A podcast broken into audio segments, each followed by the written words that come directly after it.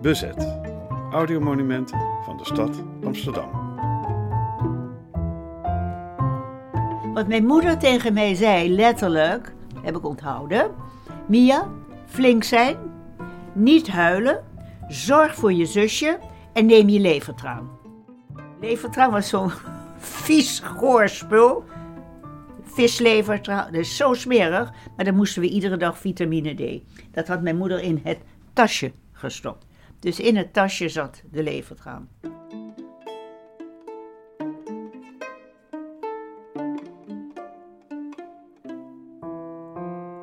Mia Corbij van Praag, met wie we in het eerste deel van dit tweeluik meemaakten hoe de oorlog steeds meer onderdeel van haar leven werd.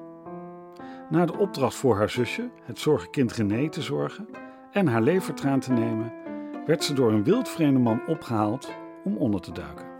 De man, wist helemaal niet hoe die heette, wist helemaal niet wat we gingen doen, nam ons mee naar het Centraal Station, naar de trein. Ik wist wel dat we niet in de trein mochten, maar we hadden geen ster meer op. En daar ontmoetten we een andere man van het verzet met een Joods meisje ongeveer mijn leeftijd.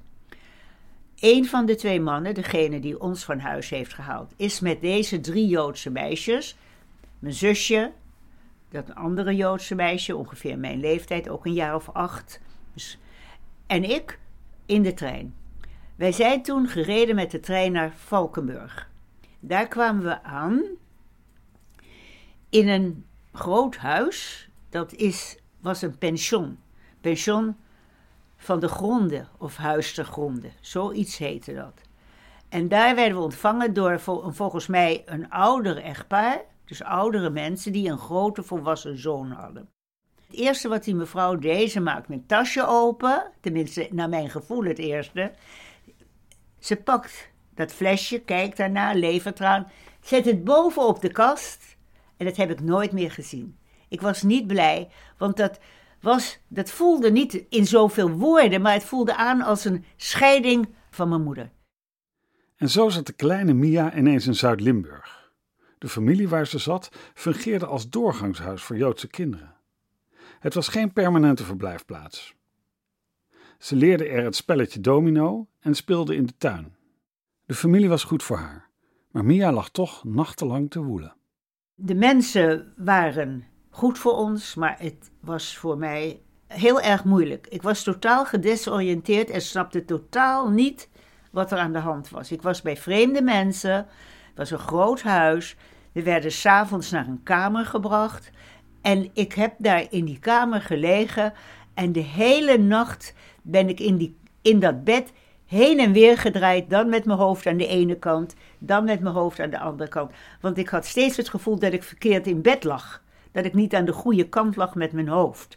Ik werd daar helemaal dol van. Dat heb ik nachten zo gehad.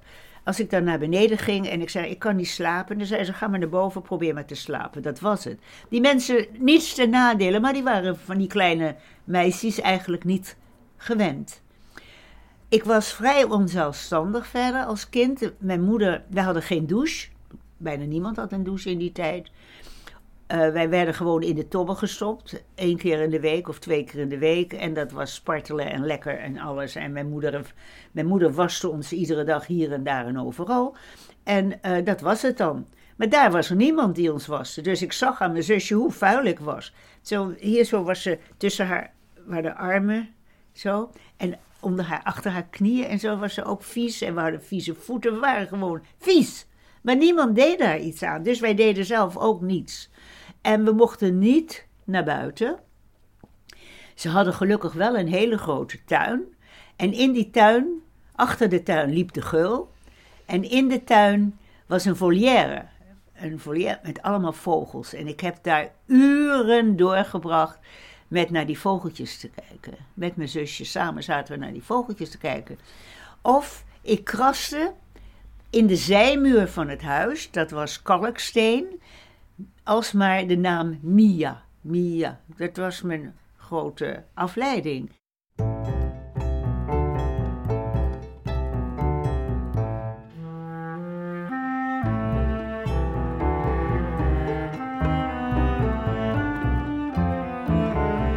Na een paar weken werd René naar een ander adres gebracht. En niet veel later was er ook voor Mia een plek gevonden. Ze kwam terecht bij een gezin met een leeftijdsgenootje, Ellie. Verder waren er geen kinderen. Daar maakte Mia kennis met de diep rooms-katholieke ziel van de Limburger. En dat betekende elke zondag naar de kerk. Dat vond ik prachtig. Dat was een toneelstuk daar met die mooie kasuivels en die leuke misdienaars met die mooie jurkjes aan. En dan op een gegeven moment begonnen ze te zwaaien met van die, van die dingen aan kettingen. En dat rook heel lekker. Bovendien uh, was het voor mijn veiligheid beter als ik ook de communie ging. Dus ik ging de communie, tong uit je mond, doorslikken die hap en wegwezen. En biechten. We gingen klassikaal biechten. Dus ik ging de biechtstoel in en de kapelaan wist dat ik een Joods kind was. Dus die maakte een praatje met me, vroeg hoe het met me ging. Ik verzon een paar uh, dingen van wat heb ik nou verkeerd gedaan. Dan zei ik maar, ik heb suikerklontjes gesnoept en ik heb een chocolaatje weggenomen en ik ben brutaal geweest. Dat was zo wat ik kon verzinnen. En uh, nou, dat was zo mooi. Of niet zo mooi. Hij zei, bid maar vijf wezen goedjes, dan komt alles wel in orde. Dus ik zat vijf wezen goedjes te bidden. En ik leerde de catechismus van buiten. Alleen leerde ik hem op de Joodse manier. Vraag en antwoord kende ik achter elkaar. Dus ik wachtte niet tot de vraag kwam. Ik zei gewoon de vraag en dan zei ik het antwoord en dan zei ik de vraag. Dat kon ik helemaal uit mijn hoofd.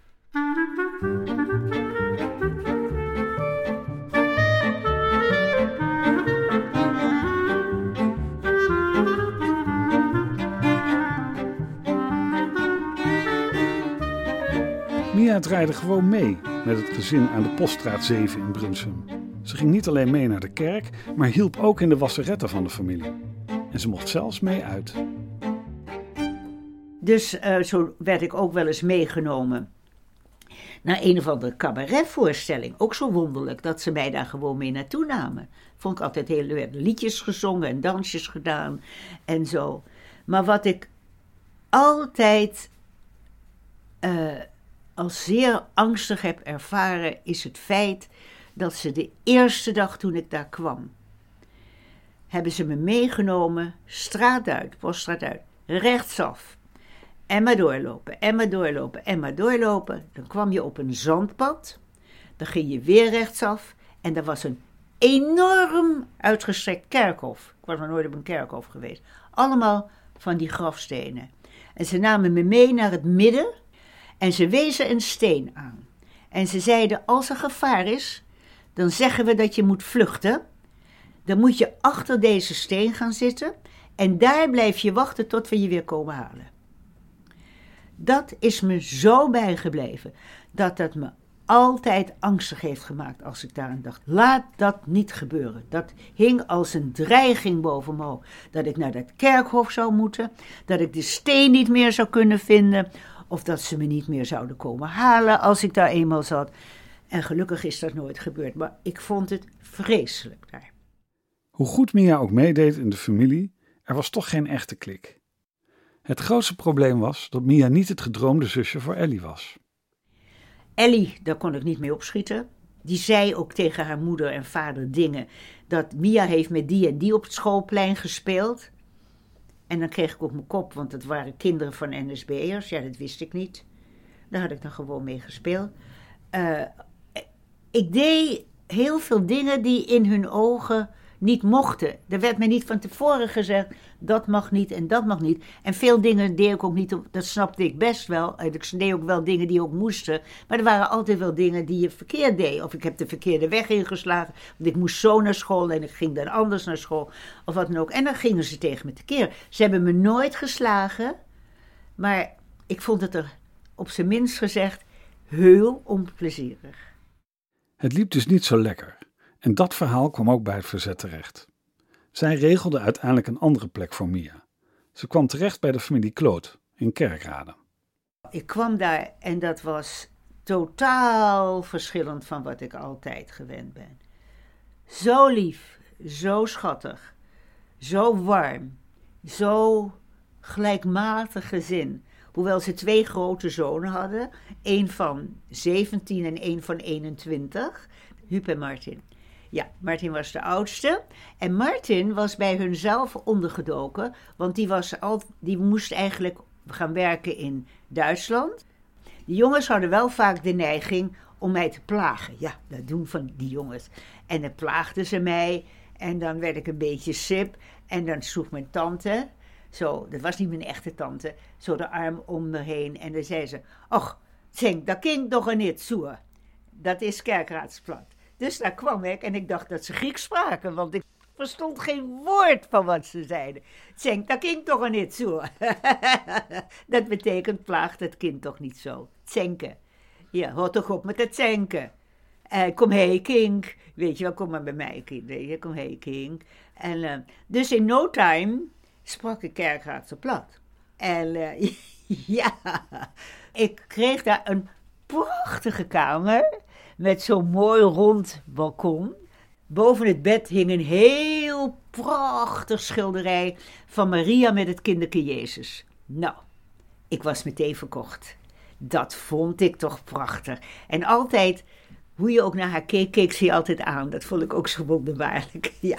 Dus, en als ik s'nachts niet kon slapen, dan tikte ik op de slaapkamerdeur van mijn oom en tante. En zei ze ja. En dan zei ik, want ik, ik droomde vaak heel verward. Hè? Dus alles wat ik niet uitte, dat kwam er s'nachts toch uit. Heel naar, nog hoor heb ik dat. En um, ik kan niet slapen. En dan zei ze dan in Kerkhartsplat tegen mijn oom: schuif een stukje op en kom heen, kink. En uh, dan ging ik naast hun liggen en dan mocht ik bij hun in bed slapen. Zo schattig.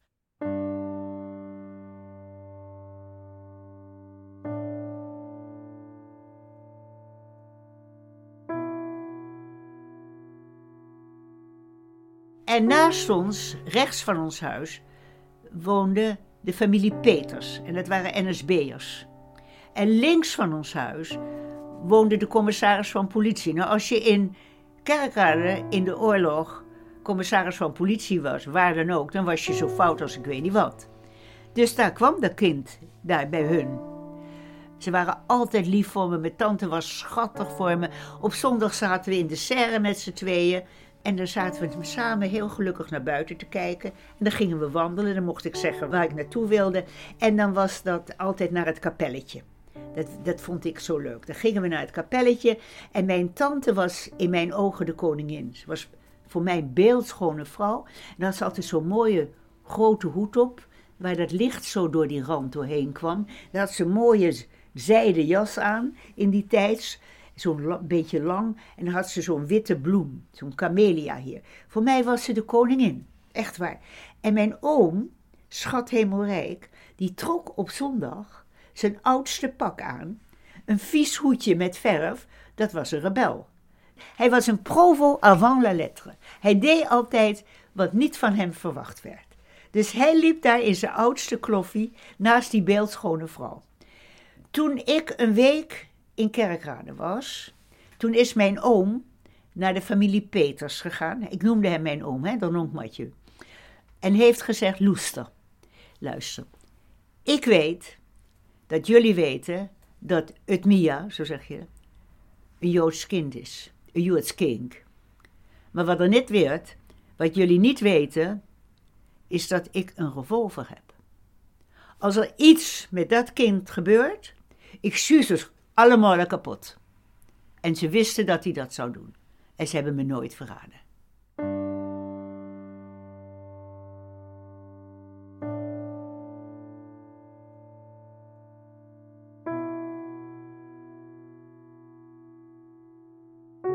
Mia werd door de familie Kloot gekoppeld aan hun nichtje Rita. Die was even oud als Mia. Rita en Mia klikten wel. Ze speelden samen, droegen vaak jurkjes uit dezelfde stof en ze zaten samen op school bij de Ursuline-zusters. Die zusters wisten van niets. En op een dag stond de schoolfotograaf voor de deur. Wat ik wel te horen had gekregen, als ik met mensen sprak, moest ik ze nooit rechtstreeks in de ogen kijken, altijd een beetje wegkijken. Dus weet je, ze zouden misschien opeens iets in mij ontdekken. Dus ik had geleerd iets weg te kijken en ik mocht nooit op de foto. En daar kwam de fotograaf op school. En we moesten allemaal op de foto. Wat moest ik doen? Ik wist het niet, want ik kon niet tegen de zuster zeggen, of zuster, meer, ik kan niet uh, op de foto, dat mag ik niet, want dan zou ze zeggen, waarom mag jij hier op de foto? Dus ik ben op de foto, je kun je ook zien aan, als je, ik zal niet zeggen wie, wie er zo'n beetje wegkijkt, nou dat ben ik hoor. Ja, ben op de foto gegaan en dat was toch gevaarlijk, want als iemand met die foto thuis zou komen, die klassenfoto, en er zou iemand in Kerkrade, waar iedereen elkaar kent, zeggen: Wie is dat kink? Dan zeggen ze: Ja, dat is een meertje, dat uh, Han Verneu. En uh, ja, Han Verneu, hoe hoort dat? Waar hoort dat dan? Dus dat kon eigenlijk niet, maar er is nooit iets gebeurd. Die foto is gemaakt en uh, daar hebben we het mee gedaan.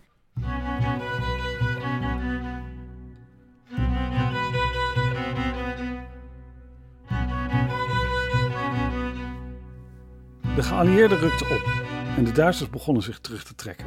En bij de familie Kloot werden maar liefst vijf Duitse officieren ingekwartierd. Er vlogen veel vliegtuigen over op weg naar Aken en het Roergebied om daar hun bommen te laten vallen. Soms keek Mia samen met haar onderduikvader naar het overvliegende materieel. Op andere momenten ging het luchtalarm in Kerkrade af en trok de familie zich terug in de schuilplaats van hun oudste zoon Martin. En daar waren ze niet alleen. Wij hebben een enorme schuilkelder. De familie Peters, de NSB'ers, komen ook in ons huis. Mijn oom, mijn tante, vijf Duitse officieren, of wie er dan ook aanwezig was in huis, komen ook in de kelder zitten. En ik als Joods kind. Dus het was een aardig gemeleerd gezelschap. Op een gegeven moment hoort één van die Duitsers. Realiseert zich dat ik tante zeg. Ik heb nooit mama gezegd tegen wie dan ook. Ik zeg tante. En toen zegt hij, of Duits natuurlijk, zij zegt tante, is zij niet uh, jullie dochter? Nee, zegt mijn tante, zij is de dochter van mijn zuster. En mijn zuster en haar man, dus de moeder van Mia en de vader van Mia, zijn bij het bombardement van Rotterdam omgekomen. En toen, kun je rustig zeggen, brak het grote medelijden los. Men kreeg medelijden met het arme kind. En ze zei, ach kom Mia. En dan moest ik op hun schoot zitten. En dan zat ik op de schoot van zo'n Duitser. Pet op, gordel, zo'n riem, revolver, laarzen. En dan kreeg ik zuurzwaren van snoepjes, chocola of pfennigen. Terwijl ik wist, als hij weet wie ik ben, pakt hij dat revolver, dat idee had ik, en schiet hij me kapot. Daar was ik van overtuigd. Nog steeds weet, kan niemand mij zeggen of hij dat wel of niet heeft gedaan. Ik neem graag aan van niet, maar de mogelijkheid zat erin.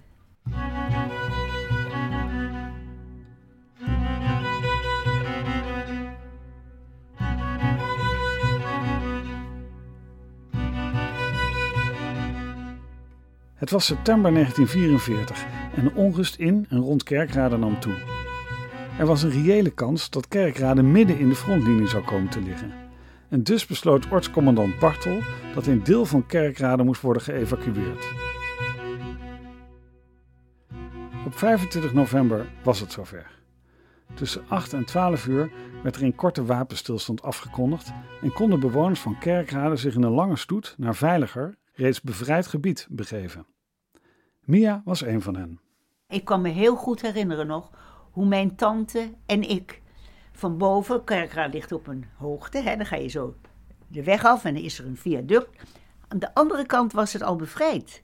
Dus wij zijn onze eigen bevrijding tegemoet gelopen. Snap je? Dus, maar we moesten eindeloos doorlopen. En in die enorme stoet mensen zijn alsnog heel veel mensen doodgegaan. Getroffen door granaten en dergelijke. Het was een bizarre tocht. En wij liepen, te, liepen en we liepen. Tot we uiteindelijk terechtkwamen, mijn tante en ik, te midden van die enorme menigte. In Benzenrade. Daar hadden ze, ik denk dat het familie was, op een boerderij zijn we terechtgekomen. En daar ben ik met mijn tante geweest. Tot uiteindelijk ik met mijn moeder werd herenigd. Die was toen ook bevrijd. Maar als je nou zegt, hoe was dat?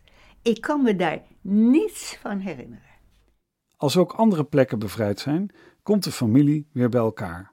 Moeder Kitty had in Venlo ondergedoken gezeten. Zusje René was bij een boerenfamilie in de Peel ondergebracht. Ze hadden het er relatief goed, maar toch was René, die zowel mentaal als fysiek een zorgkind was, weer wat teruggevallen. Mijn moeder was bevrijd en mijn zusje René was op een gegeven moment de tweede. René was mentaal en lichamelijk niet helemaal zoals moest zijn. We moesten voor haar toen naar Zandvoort gaan en ze had echt speciale zorg nodig. En mijn moeder was daar goed in. Dus die bloeide op. Ze kwam terecht. Honderd lieve woorden en honderd zinnen van praise zijn niet voldoende om die mensen te danken voor wat ze voor René hebben gedaan. Maar het waren, nee, en het waren boeren op de pil. Afgezonderd gebied, geen idee hoe pak ik zo'n kind aan, maar wel uiterst liefdevol. Maar ze kwam terug, René, als een aapje, helemaal teruggekacheld naar wat ze anders ook zo. Moeilijk, moeilijk, moeilijk. Was heel moeilijk ook voor mijn moeder. Het gezin kreeg een woning aangeboden aan de Heerlerbaan in Heerlen. Daar voegde zich uiteindelijk ook vader Isaac weer bij hen. Hij had in Ottersum bij een boerenfamilie bestaande uit vijf vrijgezelle kinderen gezeten. Hij was er een soort zesde broertje geworden. Op een dag kom ik thuis van school. Dan moet je een beetje de heuvel aflopen, de Dr. Clemens Meulemanstraat. En ik kom de hoek om en ik kan daar de stoep zien van voor ons huis. En wie zie ik daar staan? Mijn vader. Wauw. En wat doe ik? Ik schrik me dood. Ik ga naar het huis van een vriendinnetje, terug de, de, naar de kant van mijn school. En ik lieg niet, hè? Ik lieg nooit. Het is vrijheid, hè? Vrijheid is voor mij waarheid vertellen. Je hoeft niet meer te liegen.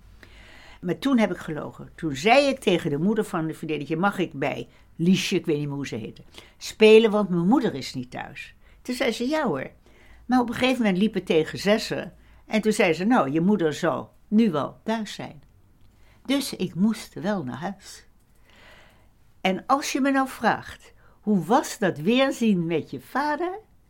Ik kan het je niet vertellen. Dat zijn dingen die zitten totaal niet in mijn geheugen meer. Dat moet heel emotioneel zijn geweest. Als ik eraan denk, word ik nu. Ik was gewoon bang voor de emotie, voor de confrontatie van dat weerzien. En mijn vader en ik zijn altijd beste maatjes geweest samen. Fantastische man was dat.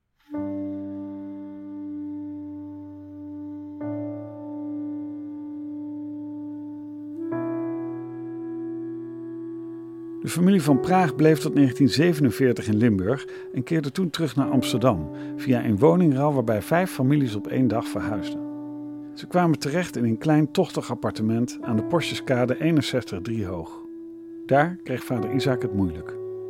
Op een gegeven moment ging het oorlogsverleden hem dwars zitten.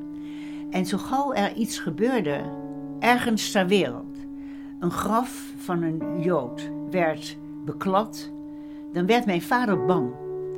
En wat deed hij dan? Dan schroefde hij ons naamplaatje van de deur, want we heten van Praag.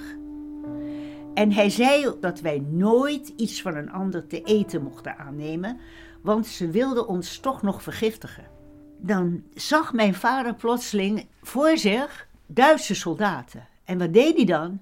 Dan pakte hij een stoel en hij smeet die zo door de kamer. En dan kwam hij door het raam aan de andere kant terecht.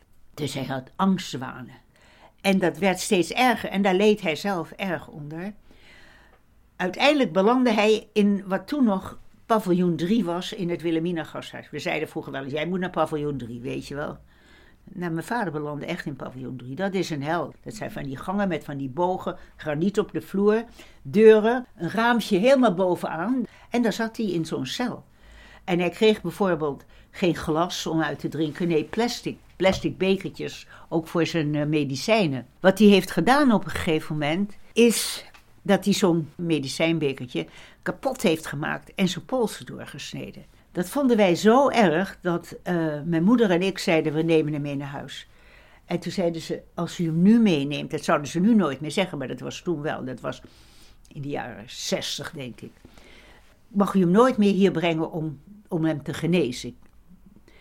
Dus we hebben hem daar gelaten. Ik hoor hem nog roepen: Kitty, neem me mee, neem me mee. Vreselijk. Maar uiteindelijk heeft het niet veel langer dan een maand of drie geduurd. En hij was er overheen. Hoe ze dat gedaan hebben, weten we niet. Ja, hij heeft altijd nog wel natuurlijk het verdriet gehad van zijn moeder en wetende hoe zij gestorven is. Die hele lijst familieleden die allemaal vermoord zijn. Maar dat wilde ik nog ook, toch ook vertellen, dat mijn vader daar toch nog heel erg uh, door getekend is. En mijn moeder trouwens ook. En ons hele gezin. Het, het, het, het blijft een invloed hebben op alles. Mia bleef in Amsterdam, maar onderhield contact met Limburg. Tot op de dag van vandaag reist ze regelmatig af om vrienden en haar onderduikfamilie te bezoeken.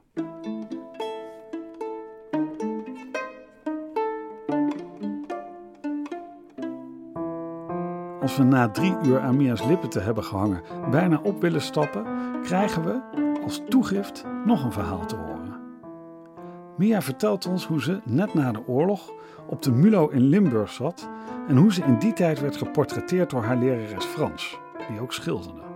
Waar het resultaat gebleven is, wist Mia lang niet. Totdat ze op een dag bij haar onderduiknichtje Toos en haar man Jo was.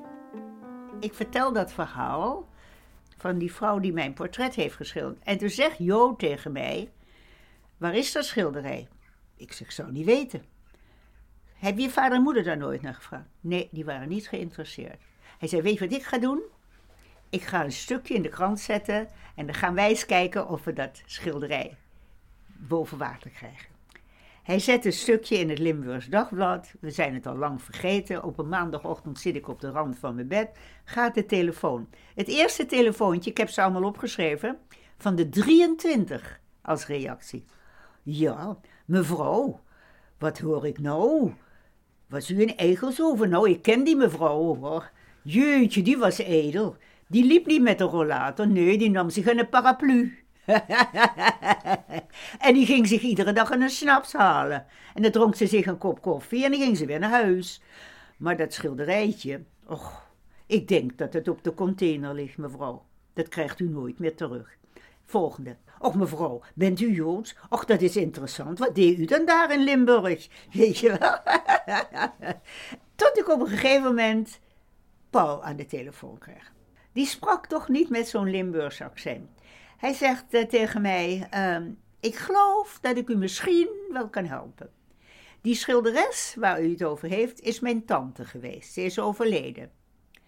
Kunt u mij dat schilderijtje nog een keer beschrijven? Weet u nog hoe dat eruit ziet? Ik zeg ja, zus, zus en zo. Hij zegt: Dan heb ik het vermoeden dat dat schilderijtje hangt bij mijn buurvrouw. Ik ga even naar hiernaast, naar José. En dan vraag ik wel even of zij u terug wil bellen. Dus hij gaat naar José en daar komt José. Hallo, ja. En die, dat is een rebelaar, die, die, die spreekt heel vlug. Nou, het kwam er dan op neer. Zij was ook de fysiotherapeut van mevrouw Meijsen. En toen zij op een gegeven moment uitgefysiotherapeut was, toen zei mevrouw Meijsen tegen haar: Ik wil je als dank aanbieden dat je uit mijn collectie een schilderijtje kiest. Of een whatever, een schilderij. En wat kiest José? Dat schilderijtje. Toen zei ik, goh, heeft u dat nog? Ja, zegt ze, dat hangt beneden. Nou komt het. En iedere ochtend als ik beneden kom, zeg ik, dag Mietje, goedemorgen. Terwijl ik Mietje heet naar mijn oma, ze noemen me wel meer. Hoe is dat mogelijk? Zij noemde me Mietje. Toen zei ik tegen haar, wat een leuk verhaal, mag ik komen kijken?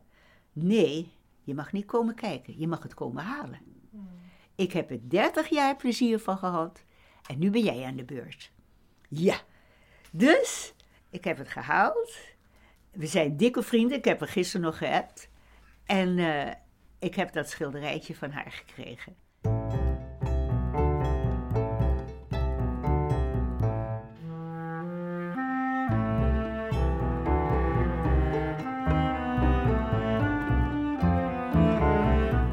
Je luisterde naar het tweede deel van Toevallig ben ik er nog.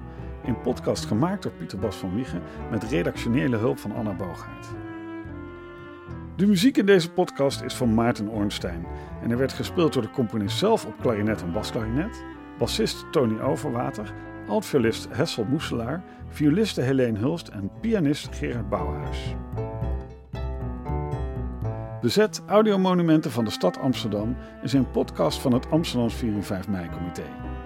Meer horen? Vergeet je dan niet te abonneren op onze feed.